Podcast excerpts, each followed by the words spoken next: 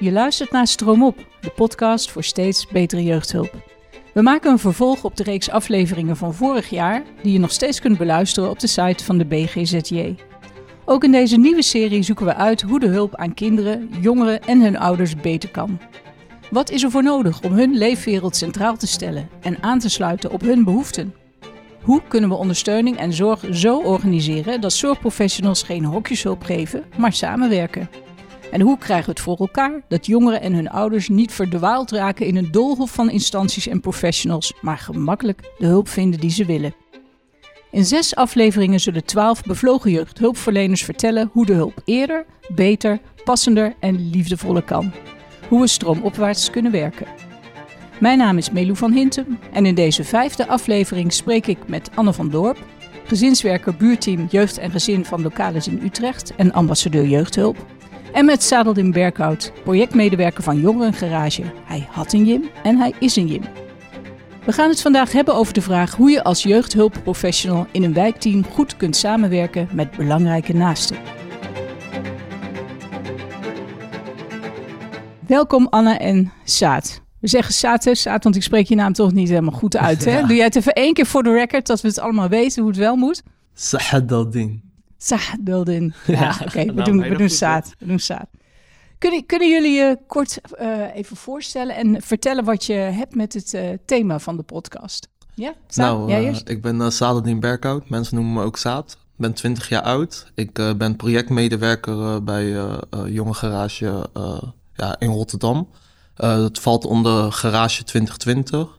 Eh, de bedoeling van de garage is... Ja, want wat is dat? Want zo'n jonge garage, dan denken we Hmm. aan hele... De meeste mensen zullen aan hele andere dingen denken dan aan jeugdhulp, denk ik. Ja, zeker, zeker. Waarom heet het garage? Eh, Ja. Heeft te maken met, ja, eh, in een garage zit je aan een auto of iets een beetje te ontdekken. Hoe kan je die auto beter maken, noem maar op. Dus dat willen we hetzelfde doen, maar dan in de jeugdhulp. Sleutel aan de jeugdhulp. Ja, sleutelen aan de jeugdhulp.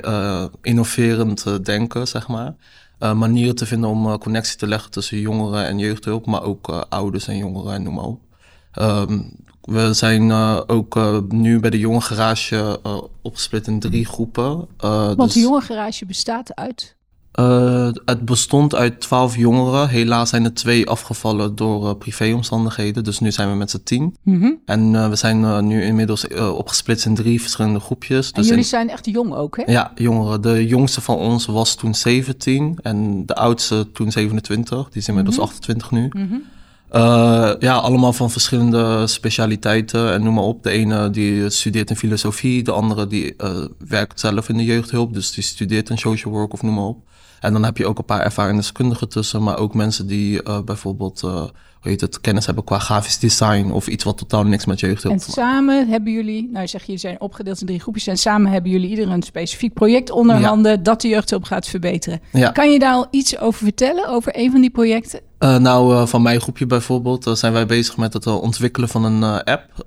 En we hopen dus met deze app jongeren bewuster te kunnen maken van eh, wat er te doen valt in hun omgeving. Dus moet je nagaan, je opent die app en dan zie je een kaart en dan zie je van eh, allerlei bolletjes erop. En als je erop drukt kan je een dichtbijzijnde activiteit in de buurt vinden. Kan je denken aan onder andere misschien een sportboxen of eh, muziek maken of noem maar op. Eh, waarom doen we dit? Eh, heeft te maken met dat veel jongeren zich vervelen en hierdoor in bepaalde moeilijkheden terechtkomen. Bijvoorbeeld eh, Mhm. met straatgeweld en noem maar op. Vooral in Rotterdam hebben Dus we daar veel last van. preventief is dit eigenlijk. Juist. je probeert ze op een ander spoor te Juist, zetten of te juist. voorkomen dat ze de verkeerde weg gaan be- bewandelen. Precies, ja, inderdaad. Ja. Dankjewel. Eh Anne, jij bent gezinswerker. Klopt. Wat houdt dat in? Want het wordt tegenwoordig heel vaak over gezinnen erbij betrekken. En Wat, wat, wat betekent het voor jou in jouw werk? Ja. Eh, nou, ik werk zoals je al had gezegd in Utrecht. In Utrecht hebben wij, eh, hebben wij buurteams, eh, of wijkteams genoemd, buurt, buurteams.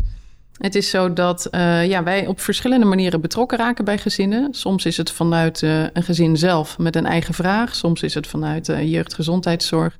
Maar het kan ook vanuit middelbare scholen of mbo's. En op die manier kunnen wij ehm, een begeleidingstraject starten.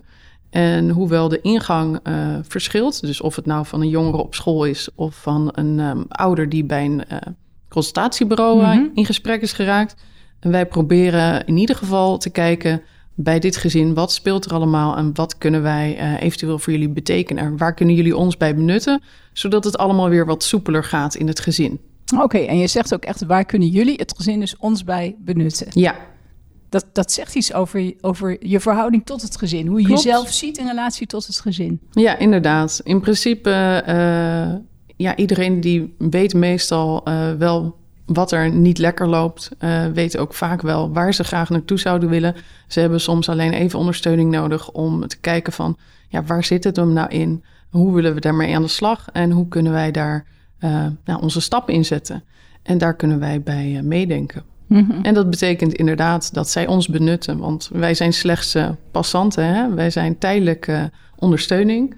En uiteindelijk is de wens natuurlijk dat dit gezin of deze jongeren zelf weer verder gaat.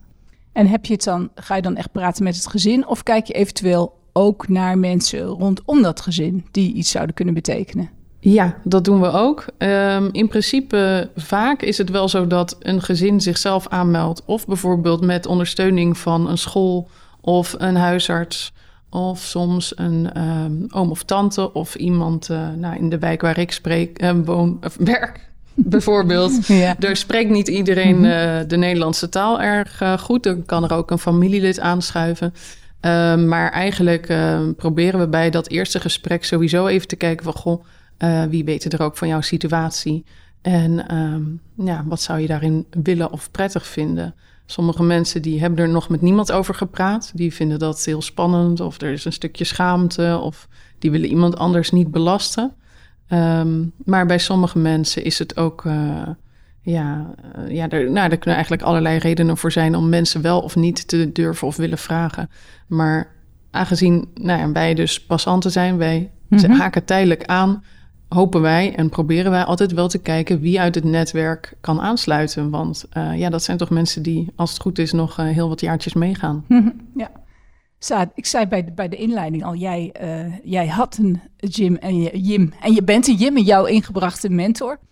Lijkt dat een, een beetje op wat, uh, wat Anne nu vertelt over de mensen die ze bij een gezin proberen te betrekken? Ja, zeker. Of ja, niet? Misschien ja. kan je eerst even uitleggen wat het idee is achter die jouw ingebrachte mentor. Ja, Dan snappen we ook beter of het, Ja. in hoeverre het erop lijkt. Of Uh, misschien hetzelfde is Ja, bijna. Om aan te sluiten op de vraag, ja, zeker. eh, klinkt hetzelfde. Eh, wat eh, Jim, jouw ingebrachte, eh, jouw ingebrachte mentor, precies inhoudt, ja, het zegt een beetje zelf al. Eh, een jongere of eh, gezins, eh, de gezin kiest iemand uit, uit hun eh, dicht bijzijnde omgeving, eh, ehm, die ze vertrouwen en al een band mee hebben en ook bewust is van wat er aan de hand is en wat er allemaal speelt. Ja, dat je die betrekt eh, met de hulpverlening om eh, daar samen in gesprek te gaan en eh, ja, anders te kunnen kijken naar oplossingen in, in gezinsproblemen. Mhm. Nou heb jij het over een Jim en, en bij jullie wordt ook vaak gesproken over een steunfiguur. Hè? Is het, zeg jij ook als je, als je zaad wordt, het is eigenlijk hetzelfde?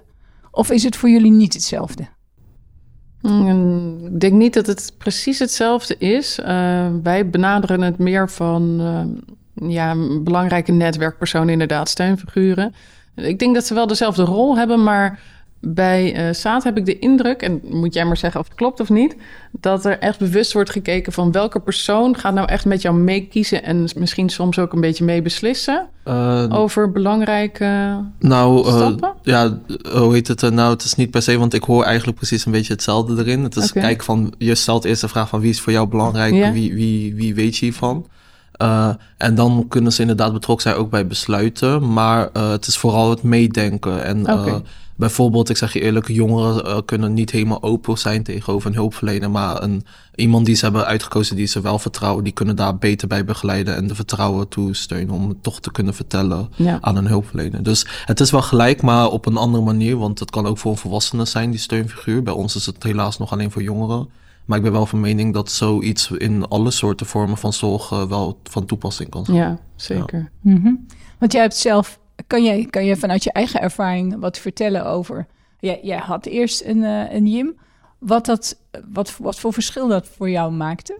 Ja, want ik was 17 eh, toen eh, mij de vraag werd gesteld. Toen, Niet zo heel lang geleden, of wel? Nee, ik ben nu 20, dus eh, bijna 21, dus bijna vier jaar geleden. Ja. joh. Ehm, ja, ik zat toen op een crisisopvang. Het ging helemaal fout, uh, helemaal afrecht. Ik had al hulpverlener nummer 7 weer gekregen. Dus uh, uh, ja, ik dacht van, komt er weer eentje? Er kwam ook nog een ambulante hulpverlener erbij. En die stelde de vraag van, joh, wie vertrouw jij? Um, toen ik ehm, mijn gym had uitgekozen, een moeder van een hele goede vriend van mij, van de middelbare school. ja, toen ik haar had aangewezen, uh, kwam ze op gesprek. En uh, ik herinner me nog bij de eerste evaluatiegesprek was een opmerking uh, geplaatst door mijn nieuwe toezichthouder. En zij zei van, joh, mijn moeder kon niet opkomen op dagen door, door OV-problemen. En zij zei, joh, moeder is ongeïnteresseerd. En ik vond het echt een rot opmerking. En ik dacht, maar ja, ik dacht bij mezelf, wat ga ik hier tegen zeggen? En voordat we verder gingen, zei mijn Jim opeens... Nou, het heeft zozeer niet mee te maken dat ze niet geïnteresseerd is. Moeder heeft gewoon moeite met OV en kosten daarvan. Waarop wij met de oplossing kwamen dat wij uh, de volgende gesprek gewoon bij mijn moeder thuis gaan doen. Zo simpel was het. Ja, zo simpel. En voor mij was dat misschien de eerste gesprek al, maar toen dacht ik, hé, hey, dingen gaan opeens anders. En terwijl ik altijd was gewend geraakt dat, ja, we lieten het maar en zo ging het maar door en zo. Dus uh, iets heel kleins wat wel heel groot impact had in hoe de hulp ging, ja. Mm -hmm. Ja, ja. Ja. Herken je dat als het in kleine dingen kan zitten? Zeker, ja? Ik vind het heel mooi hoe je het beschrijft... dat dan net even iets op tafel kwam... wat, wat je zelf misschien even niet durfde. Ik uh, heb de indruk dat uh, dat ook wel iets is... waar wij als hulpverleners sensitief op mogen zijn... om te kijken van, goh, zie ik... Uh, kijk, wellicht heb jij wel even zo zitten fronsen met je wenkbrauwen... van, hé, hey, wat gebeurt hier nou? Wordt, wordt hier nou eigenlijk over mijn moeder gezegd? Uh, ik vind het wel mooi als dan, ja, zo, zo, jouw Jim was dus heel sensitief ook op wat er bij jou gebeurde waarschijnlijk. Of vond daar misschien zelf ook iets van. Ik vind het heel mooi dat dat dan op tafel komt en dat dat dan zo'n positieve uitwerking heeft. Ja, ik kan met dit voorbeeld. Ik, uh, ik moet ik zeggen dat ik als hulpverlener hou er ook wel van om dat soort ja, non-verbale uh, signalen op te pikken. En mm -hmm. dan even te zeggen van, joh, wat is dit? Wat gebeurt hier? En ja. ja, dan kom je toch op een diepere laag. En dat doet gewoon echt heel veel in ja, je manier van begeleiden, maar ook hoe je samen uh, verder kan. Nou, waar ik ook aan moet denken als ik, jou, als ik jouw voorbeeld staat, als ik jouw voorbeeld hoor, is dat hulpverleners dan ook, wat logisch is, want dat zitten we allemaal, dan misschien toch net iets te vast zitten in hun eigen referentiekader, om er niet op te komen dat misschien de bus of de trein voor iemand te duur is. Ja, nou, ik moet eerlijk zeggen, ik vind het, uh, ik voel me persoonlijk wel. Uh, nou, ik, ik, ik weet niet of ik dat zelf zou hebben gedacht hoor. Mm -hmm. Wat deze hulpverlener heeft gezegd. Ik, het is bijna schaamte die ik dan voel als ik dit hoor. Dan denk ik van jeetje, wat kort door de bocht. En wat, wat meteen een, een label erop of iets dergelijks. Vind ik wel heel negatief over jouw moeder. Mm -hmm. Ja, ja. ja. Zou, zou je dan zeg maar, als je, als je die sensitiviteit zou verhogen, hè, zeg je dan is, zou ik maar zeggen, zou je kunnen zeggen hoe sensitiever en hoe opener een hulpverlener is, hoe minder de JIM nodig is? Vraag ik even aan jullie allebei, maar begin ik even met benieuwd eerst wat Anne als hulpverlener daarover zegt. Uh, nou, ik denk, ik zou zeggen nee. Ik vind het wel belangrijk dat hulpverleners sensitief zijn op, dit soort punten. Maar ik, uh, ik zou nooit de hulpverlener de JIM willen laten vervangen. nee. Mee Jij? Ja, ik, ik, ben ja? daar ook mee eens. Waarom? Uh, laten we eerlijk zijn, elke jongen is anders. Werkt ook anders. Uh, en laten we ook eerlijk zijn, als hulpverlener, je komt net binnen. Uh, misschien ben jij wel de juiste hulpverlener en heb je de beste intenties en de bedoeling, maar toevallig ben je ook nummer 7 of 20 of noem maar op. Dus de kans dat hij echt open gaat stellen naar jou is ook veel kleiner. Dus ik denk iemand die ze vertrouwen eh, de vertrouwen naar de hulpverlening daar ook bij kan helpen. Want mijn Jim heeft me ook meer vertrouwen in de hulpverlening kunnen geven. Ja, ja daar heeft het ook erg mee te maken met die hele voorgeschiedenis. Juist. Dat je ja. dan zegt van, ja, dan heb je zo'n Jim echt nodig om ervoor ja. te zorgen dat die vertrouwensrelatie wel oké okay is. Ja, precies. Ja. Dus, er zit, dus de meerwaarde zit dan, denk ik dan, van als je Jim zegt of steunfiguur, hè, even zit in, in, die, in die vertrouwensrelatie. Ook in het beter begrijpen, omdat je iemand al langer kent en de context kent en de omstandigheden. Maar heeft het er ook mee te maken, want jij zei daar straks hè, van uh, wij zijn passanten in iemands mm -hmm. leven, maar een Jim, blijft een Jim voor eeuwig? Nou, ik heb daar ook een hele mooie voorbeeld voor. Um, toen, voordat ik zelf een Jim werd, uh, was er eigenlijk een, een jaartje tussen. Dus uh, toen was ik 18, was ik klaar met de toezichthouding. Um, broertje en zusje zat nog wel in de toezichthouding. Um, maar ja, hun hadden, mijn broertje had een andere Jim en mijn zusje kon toen geen Jim vinden. Um, toen was er een jaartje daartussen en dan hadden we eigenlijk ook weinig tot bijna geen contact meer gehad met Jim en ik. Maar het was niet zozeer van dat het, hoe zeg je dat, dat wij boos op elkaar waren of iets. Er was -hmm. eigenlijk in de hand. Maar het was gewoon dat het even niet meer van inkwam of zo. Maar een jaar later, vanaf dat ik weer 19 werd, uh, kwamen weer nieuwe problemen in het leven uh, met mijn zusje en uh, noem maar op. dat ik opeens haar Jim werd en ik eigenlijk dacht van, joh, zou je me kunnen begeleiden? En zij stond nog steeds klaar voor mij. Dus ondanks dat je elkaar dan niet ziet, dat het toch wel nog steeds die band blijft. En dat het niet zeg maar aantast door even niet te zijn of elkaar niet te zien. En dat ze me bijvoorbeeld ook heeft geholpen, omdat ik geen hulpverlening meer heb, maar toch heeft geholpen naar een eigen woning nu zonder urgentie of hulpverlening. Dus uh, dat een persoon, zoals een Jim, maar dat is een benaming, dus maar zo'n persoon die mhm. je vertrouwt en je steunt, zeg maar, je ook naarmate je zo goed samen kan werken, dat je op een gegeven moment niet per se de hulpverlening nodig zal hebben. Dus ik denk juist eerder dat de Jim op een gegeven moment meer leert van hulp te vragen uit je netwerk in plaats van altijd aan te kloppen bij een instantie, als dat niet per se nodig zou kunnen mhm. zijn. Is, is dat ook jullie ervaring? Dat je zegt als wij weggaan en er zijn er zijn van die uh, steunfiguren, noem ik het nu maar mhm. even. Als we weten dat die er zijn, dan zijn we ook, ook, moet zeggen, zijn we er ook geruster op dat en het wat beter gaat met iemand, maar ook als het niet zo goed gaat, dat via die steunfiguur misschien toch weer makkelijker hulp wordt gezocht bij ons als het nodig is. Uh, Lijkt net of je nu dit in de mond legt, maar het is echt een vraag met een hele grote vraagteken erachter. Ja. ik zit niet zo te denken, hoe kan je het nou zo formuleren dat ik het je niet in de mond leg? Maar, nee, maar het, is, is, is dat ook het, kan dat een effect zijn? Of zie je dat in de praktijk? Dat, of of is, is het, werkt het helemaal niet zo? Nou, ik, ik zou niet het, het welbevinden van een persoon helemaal willen laten afhangen van een jim of steunfiguur. Ik denk wel dat het echt een steuntje in de rug is als je gewoon even een klankbord hebt uh, die ook jouw eerdere situatie heeft meegemaakt en het gaat even wat minder lekker. Dat dan diegene ook weet wat je daarin beleefd hebt of wat misschien je schroom is om weer hulp te vragen. Dus ik denk dat dat heel waardevol is. Maar de mensen die inderdaad uit hulp zijn en die in principe uh, gaat het een hele poos goed en dan speelt er weer iets op en dan denk je, hé, hey, wat moet ik nu? Ik zou hun niet in, ja, willen verkleinen door te zeggen van jij zou het dan niet kunnen redden zonder steunfiguur. Mhm. Want die mensen hebben natuurlijk ook gewoon echt in hun eerdere proces al heel veel geleerd. Dus wie weet kunnen ze het ook wel zelf oppakken. Mhm. Maar ik denk dat voor iedereen, of ik het nou ben of jij of jij, het is natuurlijk hartstikke fijn dat als iemand van je situatie weet, dat je daar even ei kwijt kan. En uh, want hoe, hoe zwaar mag die verantwoordelijkheid van zo'n steunfiguur zijn? In, in, in zo'n, ik zou maar zeggen, zo'n driehoekrelatie mm van degene die hulp zoekt, uh, de, de, de JIM, de steunfiguur en de hulp, hulpverlener. Hoe, hoe liggen die? Ja. Ik denk dat het heel moeilijk is om uh, daar een uh, label op te plakken, omdat het echt per kind, gezin heel verschillend is hoe zwaar iets beleefd wordt. En um, nou, stel, dat, stel dat iemand vier kinderen heeft, uh, net gescheiden is, uh, ruzie met de buren, waardoor het huis mogelijk uh, mm niet meer, of dat ze bijvoorbeeld eruit gezet zouden kunnen worden, of er zijn schulden en dergelijke. En iemand heeft ook nog eens een burn-out. Ja, dan is dat echt iemand die, die heeft flinke steun nodig. En dan is het voor een gym natuurlijk ook best wel zwaar om die te kunnen geven. Uh, dan heb je bijna twee gyms nodig of, uh, of iets dergelijks. Ja, ja of, of een steungezin bijvoorbeeld. Maar heb je dan, want dat, dat is inderdaad de achtergrond van mijn vraag. Ik zat ook, ook terwijl jij antwoord aan het geven was, te denken aan mantelzorgers. Op een gegeven moment uh, moeten mantelzorgers in de zorg alles maar oplossen. En dan wordt het een soort van, ja, er is bezuinigd op de hulp. Nou, jij bent er, weet je, doe je best. En de groeten, hè? Eh, er wordt niet zo heel erg naar omgekeken.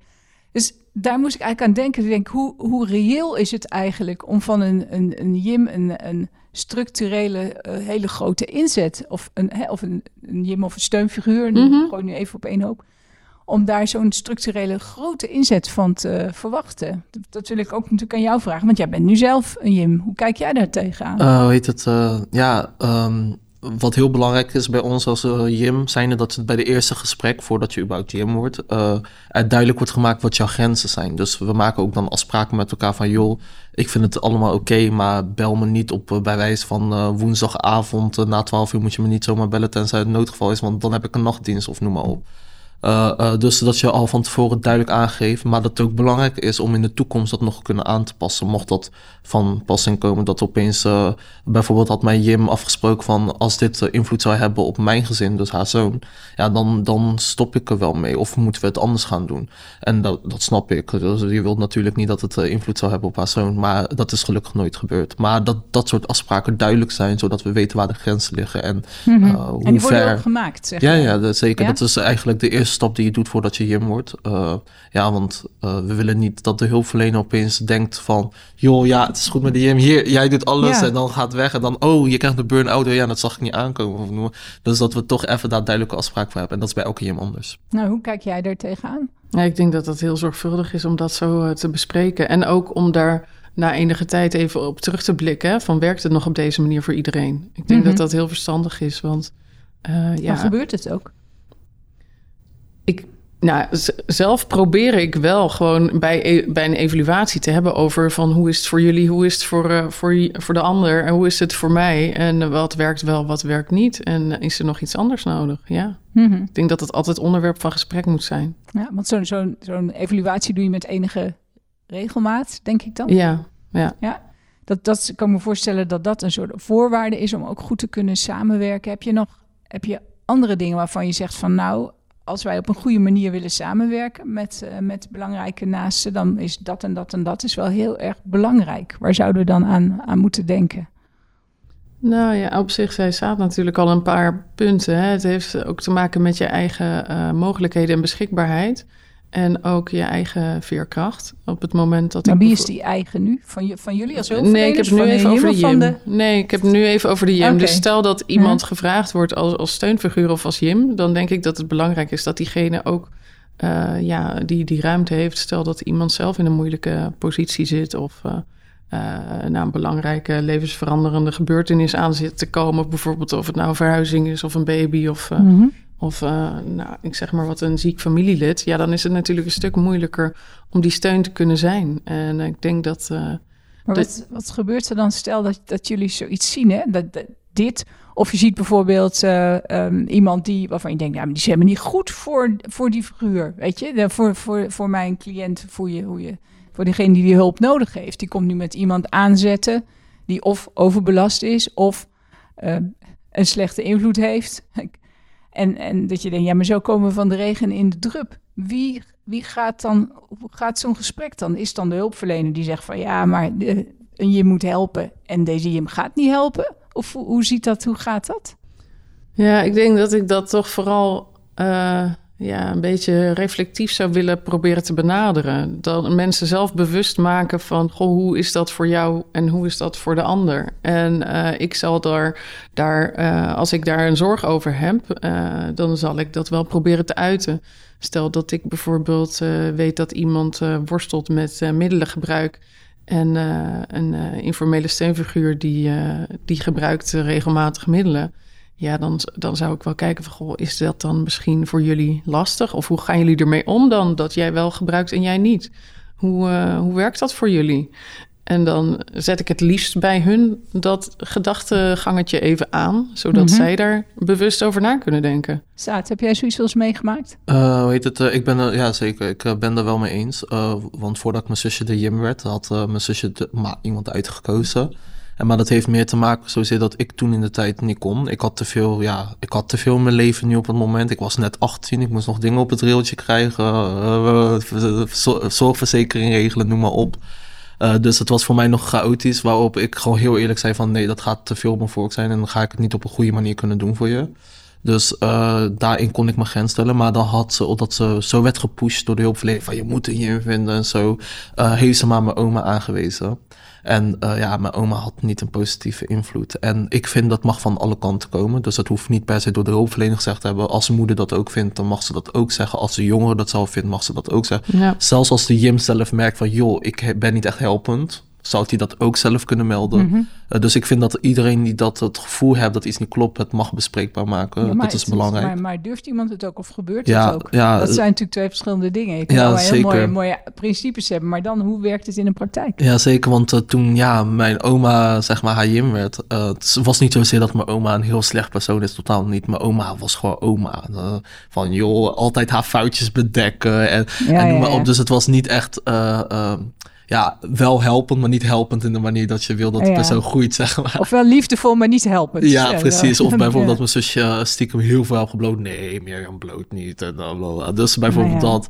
Dus, uh, uh, ja, dus hoe we dat hadden gedaan was eigenlijk uh, meer op de manier van dat ik op een gegeven moment wel bereid was om aan Jim te worden. En mij, misschien ons geluk was dat doordat ik haar eerste keuze was en ik me toen vrijwillig aanbod, dat ze gelijk mm -hmm. dacht van, joh oma, wil dat je wel mijn oma bent, maar ik kies toch even hem als Jim, zeg maar. Dus -hmm. Dat het toch op een uh, uh, niet schadelijke manier was gebeurd. Dus voor niemand was het schadelijk, zeg maar. Dus dat was eigenlijk goed, goed afgelopen? Ja, het was goed afgelopen. Gewoon op tafel gekomen. Ja, precies. Ja, uh, want ik zag het gebeuren, toen zag mijn moeder het gebeuren en wij eigenlijk allemaal een beetje. Dus wij ja, dachten ja, van, hoe gaan we het zo min mogelijk schade Maar je had ook wel een mooie rol dan. Of je kunt gewoon tegen je oma zeggen, jij moet lekker oma blijven. Ja, dat, klinkt, precies. dat klinkt heel positief. Ja, nee, dat is het ook. Want, ja, dus dat moet dan eigenlijk wel kunnen, toch? Ja, want als Jim dat... zijnde merk ik dan dat ik misschien ook haar grote broer ben. Maar als Jim heb ik weer een andere rol dan dat grote broer. Want dan heb je een andere soort verantwoordelijkheden en een andere manier van omgaan met het gesprek en noem maar op. Maar maakt het het dan voor jou makkelijker om kritisch op je zusje te zijn? Oh ja, ook als oudere broer durf ik ja, dat. Ik zeggen, als oudere broer denk ik dat je ook wel eens wat mag vinden. Alleen, ja. ja. alleen het verschil is, als oudere broer zou ik heel boos kunnen reageren. Of uh, uh, op sommige dingen juist heel lak, zeg maar. Juist, ja. dat ik denk van, weet je, ik laat het gaan. Maar als Jim durf ik dan wel meer te zeggen van... joh, leuk en aardig, maar uh, gaat dit jou helpen in dit traject? Of noem maar op. Dus durf ik wat kritischer te zijn... en durf ik het ook neer te leggen voor de... Maar dan, uh, maar dan ben ik wel even nieuwsgierig. Want dan maakt dus eigenlijk dat jij die rol hebt aangenomen... maakt dus dat jij je echt anders je ertoe verhoudt. Als ik bijvoorbeeld bij een gezin een, een zus van een moeder... of een, uh, een oma bijvoorbeeld die, die bij het gezin ondersteunt ik benoem dan niet van... hé, hey, jij bent nu dus de informele steunfiguur. Alsjeblieft, sticker op je, op je, op je trui.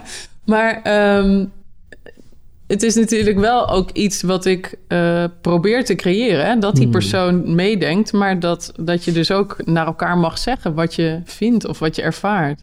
Maar bij jou heeft het dus ook echt iets gedaan om, om die titel te krijgen. Ja, hoe heet het? Mijn Jim heeft het zozeer niet gedaan. Ze was best wel haarzelf en noem maar op. Uh, maar ik heb dat zozeer gedaan dat het uh, voor mij wat makkelijker maakt om dingen ja? uit elkaar te houden. Want ik merk dat soms als oudere broer, ja, ik ben best wel een lakse oudere broer. Want mijn broertje is wat strenger tegen haar dan dat ik dat ben, zeg maar. want ze vertelt me ook alles en noem maar op. Uh, maar dat ik dan als Jim zijn en dan besef, oké, okay, maar nu in die positie zie ik dat dit eigenlijk uh, gevaarlijk is of niet helpend is of noem maar op. Oh ja. uh, dat ik het wel bespreekbaar ga maken of met mijn moeder over ga praten of met, met mijn Jim, zeg maar, erover ga praten. Want we ja. zijn duo Jim van mijn zusje. Dus uh, weet het, uh, soms bespreken we dat ook. Dat ik zeg van, joh, ik zit in een dilemma. Ik, ja, als oudere broer denk ik dit, maar als Jim denk ik van, joh, uh, ja. eigenlijk niet zo handig of zo. Dus ja, ik probeer dat wel een beetje op te splitten. dat ik, ja, als oudere broer zit je dan toch iets meer in de emoties, merk ja, ik. En als Jim ben je wat neutraal en kijk je meer van wat is belangrijk en wat is uh, veilig, zeg maar. Hm. Dus uh, merk ik nou, wel ik vind dat het wel leuk om mee, mee, te nemen als ik weer eens zo'n gesprek voer. Want uh, ik denk dan altijd van dat, dat iemand dan belangrijk is en bij evaluaties is of bij gesprek is, dan denk ik altijd van dat betekent dus ook dat jij daar iets van mag vinden. Maar het is dus misschien helemaal niet zo gewoon om ja. dan dus ook dat kritische geluid te laten horen. Ja. Dus ik wil even kijken hoe ik dat dan op tafel kan brengen. Ja, en ik, ik denk zeker als familielid dat dat heel belangrijk uh, is. Want ja, bij familielid heb je toch weer een andere band dan de buurvrouw of noem maar op. Dus ik denk vooral als je familie bent en steunfiguur of je, Mhm. mm -hmm. dat je dan wel twee petjes dan hebt. Ja. ja. Gebeurt het nou wel eens dat je uh, een, een, een, een, een Jim of steunfiguur uh, de hulpverlener helemaal niet ziet zitten? Uh, als iemand iemand kiest waarvan je, ja, je, waar en die je echt komt, en die maakt. komt langs jou en die denkt: uh, moet ik met uh, aan die mevrouw gaan lopen doen? Mm. Echt niet? Oh, als de Jim mij niet ziet ja. zitten. Oh. ja, dat kan, hè? Ja, nee, dat, dat kan. kan ook. Nou, ja. ik heb wel eens iemand. Als je geen klik hebt met iemand. Nou, ja. ik heb inderdaad wel eens meegemaakt dat iemand ja, kritisch op mij was. En zich ook wel vragen stelde over dingen die ik dan zou hebben gezegd of gedaan. Uh, ik vind het zelf altijd wel heel fijn als dat op tafel komt. Want er is natuurlijk een gesprek geweest tussen die, de hulpvrager en de steunfiguur. Mhm. Mm -hmm. uh, en ook over de steun van mij. Dus die hebben met elkaar over mij gepraat. Prima. Uh, en die hebben daar dan ook een, een beleving doorgegeven. En uh, nou, die, die steunfiguur die kan inderdaad uit liefde denken van... ja, maar hallo, dat is niet eerlijk. Of ja, maar hé, hey, zo wil ik niet dat je met mijn naaste omgaat. Uh, ja, ik vind het heerlijk als dat gewoon op tafel komt. En dan, ik heb toevallig uh, een poosje geleden nog een keer zo'n gesprek gehad. En ja, dan, dan vraag ik ook van, goh, maar wat is dan jouw indruk? Of wat denk jij daar dan van? En hoe denk jij dat het beter zou werken? Ehm, kan het wel eens gebeuren dat, dat, dat je denkt van nou, als ik kijk hoe het eigenlijk niet lekker loopt en uh, ik zie Pietje of Marietje in mijn team, ik denk dat die dat beter kan, dat je iemand anders naar voren schuift. Gebeurt dat ook wel eens? Uh, nou ja, dat is eigenlijk weer een heel andere vraag. Dat is niet per se. Dat kan, het kan natuurlijk altijd bij een hulptraject, of dat nou met of zonder steunfiguur is, kan je natuurlijk je afvragen: van ben ik nog steeds de juiste persoon mm -hmm. voor dit gezin of voor deze jongeren? Um, en dan ga je daar met je collega's over in gesprek van goh, wat merk ik in het contact? En uh, heeft dat een positieve uitwerking of is dat misschien juist belemmerend voor het proces van deze mensen? Dus ik vind dat je daar altijd wel naar moet kunnen en blijven kijken en het erover moet hebben. Mm -hmm. Kijk, we hebben natuurlijk ook allemaal wel intervisie over het werk uh, wat we doen en over hoe wij daarin staan. Ik zou, ik zou het me gewoon zo goed voor kunnen stellen, omdat het toch over hele uh, persoonlijke dingen gaat. En je bent ook niet met iedereen bevriend. dus misschien is ook niet iedereen uit de hele, van alle hulpverleners die er zijn, de goede hulpverlener voor jou. En, en is er met de een een betere klik dan met de ander? Wat helemaal niks zegt over iemands kwaliteiten, maar puur over de klik. Hoe, hoe kijk jij daar tegenaan? Um, ja, ik zeg je sowieso dat het niet de bedoeling, tenminste dat het niet ten eerste de, de hoofdzaak is of je nou goed bevriend bent met elkaar of niet. Nee, nee, Dan, ik bedoel, ja, je, ja, ik snap. Je bent ook niet met iedereen bevriend, dus misschien kan ook niet iedereen de hulpverlener zijn die je... Ja, klopt. Eh, Nou, ik denk zelf dat uh, ja, het kan, zolang je het bespreekbaar maakt inderdaad. Dus dat je erover gaat praten en het ook bekend maakt van... joh, ik zie dit, zou je het misschien kunnen uitleggen of noem maar op. Uh, ik zelf heb dat ook wel eens meegemaakt, dat uh, mijn Jim, zeg maar... uh, niet tegenover ons toezicht houden, maar toen als duo Jim zijnde samen met mij... uh, dat wij een hulpverlener aan de telefoon kregen voor mijn zusje...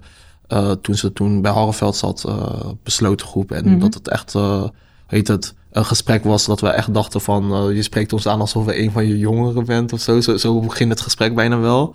Uh, dat we het wel gewoon, wel netjes, zeg maar. Niet dat we dat uh, grof of uh, doen, maar dat we het wel netjes aangeven van... joh, dat accepteren we eigenlijk niet dat het gesprek zo gaat. En we vragen eigenlijk wel respect om in die zin, want wij hebben ook respect voor u. Um, helaas uh, liep die gesprek niet helemaal fijn af. Uh, Jammer. ja, maar ja, dat uh, is Er bij kan elke zoveel in hulpverlener anders. dan.